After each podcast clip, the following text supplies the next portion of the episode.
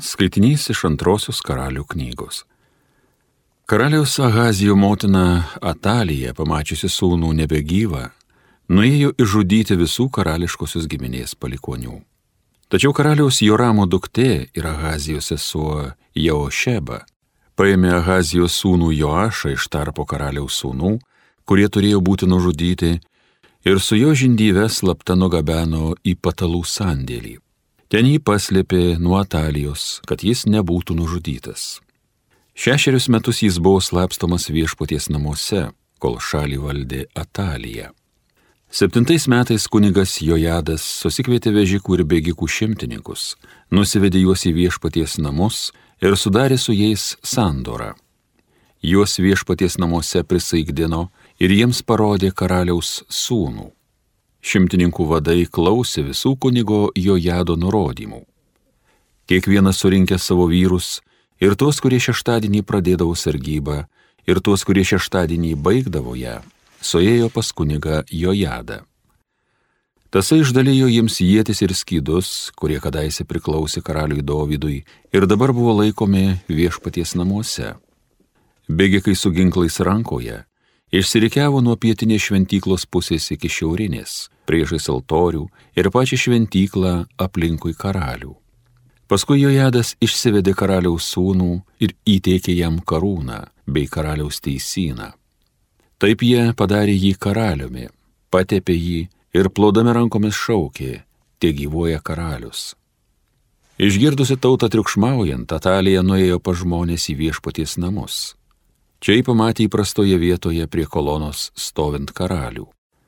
Prie jo viršininkai ir trimitininkai ir visi šalies gyventojai džiaugiasi ir skardeno trimitais. Atalija persiplėšė drabužius ir ėmė rėkti - išdavystė, išdavystė. Bet kunigas Jojadas įsakė kariuomenės vadams šimtininkams - išveskite ją pro gretas į lauką ir nukirskite kalaviju kiekvieną, kuris panorėtų jos klausyti, nes, tai sakė kunigas, neturi ji būti nužudyta viešpaties namuose.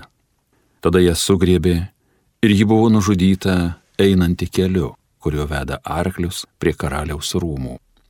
Paskui Jojadas sudarė viešpaties sandorą su karalium ir tauta. Taip pat ir karaliui su tauta jis liepė sudaryti sandorą. Po to visi šalies gyventojai patraukė prie balo šventyklos ir ją sugriovė. Visai sudaužė jo altorius bei atvaizdus ir priešais altorius užmušė balo kuniga Mataną. Jojadas taip pat pastatė sargybas prie viešpaties namų. Viso šalies gyventojai buvo kupini džiaugsmo ir miestas liko ramus. O Atalija buvo nukauta kalaviju prie karaliaus rūmų. Tai Dievo žodis.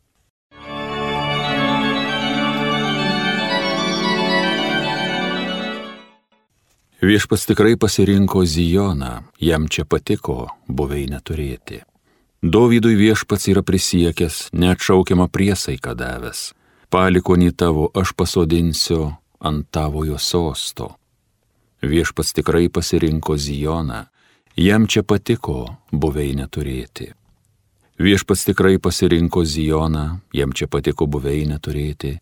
Štai čia mano poilsio būstas, čia aš gyvensiu, toks mano noras.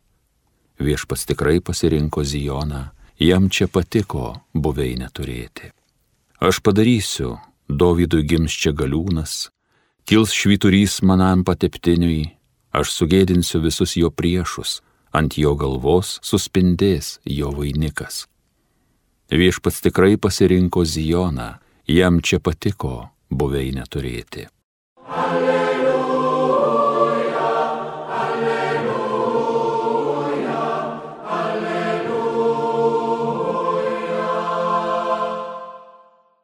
Palaiminti dvasingiai vargdieniai, jų yra dangaus karalystė. Alleluja, alleluja, alleluja.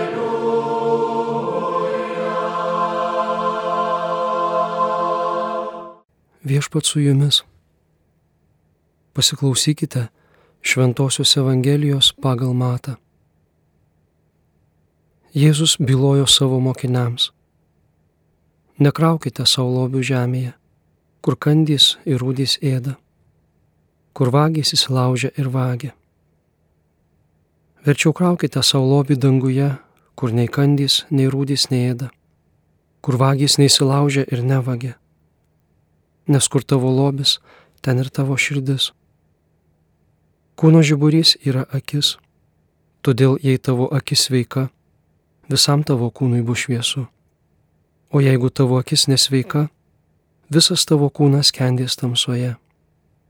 Taigi, jei tavyje esanti šviesa tamsi, tai kokia baisi toji tamsa. Girdėjote viešpatie žodį.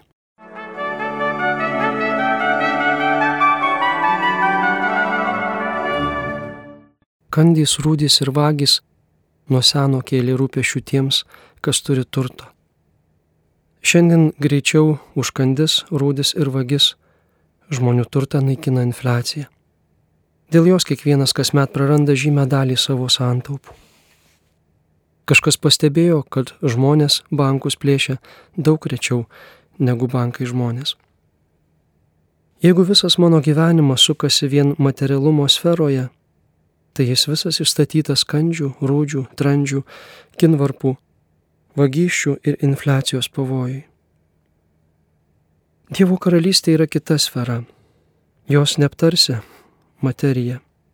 Tai nėra sėkmingas žmogaus gyvenimas, kuris sako, mano širdie, tu turi daug gerybių sukrautų ilgiems metams, tad valgyk, gerk ir linksmai pokiliauk. Dievo karalystė nėra valgio ar gėlimo ar materijos dalykas. Nematerialūs dalykai tokie kaip teisumas, ramybė ir džiaugsmas Dievo dvasioje daug tiksliau ją apibūdina ir leidžia atpažinti. Jėzus kalba apie kūno žiburį akį, nuo kurios šviesumo ar tamsumo priklauso viso kūno šviesumas ar tamsumas. Jei tavo akis sveika, tai visam tavo kūnui bus šviesu, o jei tavo akis nesveika, tada visas tavo kūnas kendės tamsoje. Kūno žiburys - akis tam, kad matytume. Būna, kad jis pritemsta ir ima matyti prastai, einam pas daktarą, tikrinamės, gydom, darom operaciją. Dvasio žiburys taip pat gali būti užtemdytas ir galim imti regėti blogai ar net iškreiptai. Pirma regėjimo patologija aprašyta pradžios knygoje kai paragavę uždrausto vaisiaus, žmonės didžiausią gėrį ėmė matyti kaip pavojų. Ėmė saugotis vienas kito, o nuo gerojo Dievo bėgo slėptis tarp medžių. Kai mes imam viską matyti išskirtinai liūdnai, tamsiai ir kritiškai, mums būtina eiti pasitikrinti savo dvasio žiburį. Ar jis tebe šviečia, ar neprigesęs, ar jo neustelbė kažkas. Jeigu apie žmogų galiu pasakyti daugiau kritikos nei gėrio, jei turiu daugiau įtarimų nei vaikiško pasidžiaugimo žmogaus buvimu, su manim negerai. Šis kūno žiburys, ši dvasinė šviesa gali būti palyginta su protingumo darybė, kuri leidžia pamatyti tikrovę teisingiausiai, ją teisingiausiai atsiliepti ir teisingiausiai gyventi. Neusižaisti kažkur prie materijos, bet gyventi taip, kaip žmogus pašauktas gyventi. Tačiau protingumo darybė yra neįmanoma, jeigu žmogus nepraktikuos kitų darybių - teisingumo, tvirtumo, susivaldymo. Protingumas kaip proto ir valios, išvalgos ir veikimo bendrystė visada šlubuos, jeigu jos neparems teisingumas, atiduodantis kiekvienam, kas priklauso, tvirtumas, be baimės pasipriešinantis blogiui ir pasirenkantis gėrį, ir susivaldymas, drausminimu įvidantis darna sieloje. Materialinės tikrovės prognozijas nekokios. Dėl karo sukeltos infliacijos kiekvienas žmogus praras apie 20 procentų santaupų. Tiesa, mirštant kiekvienas praras visą 100 procentų viso turto. O danguje, jei tikėsim jo šeimininku, Sukrautas turtas neprapuola, kandys ir rūdys jo negraužia, vagys nevagia, infliacija nenaikina.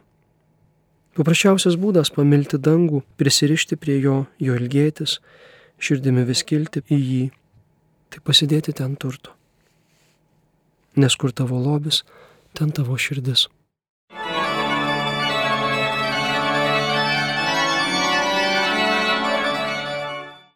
Homilija sakė kunigas Mindaugas Martinaitis.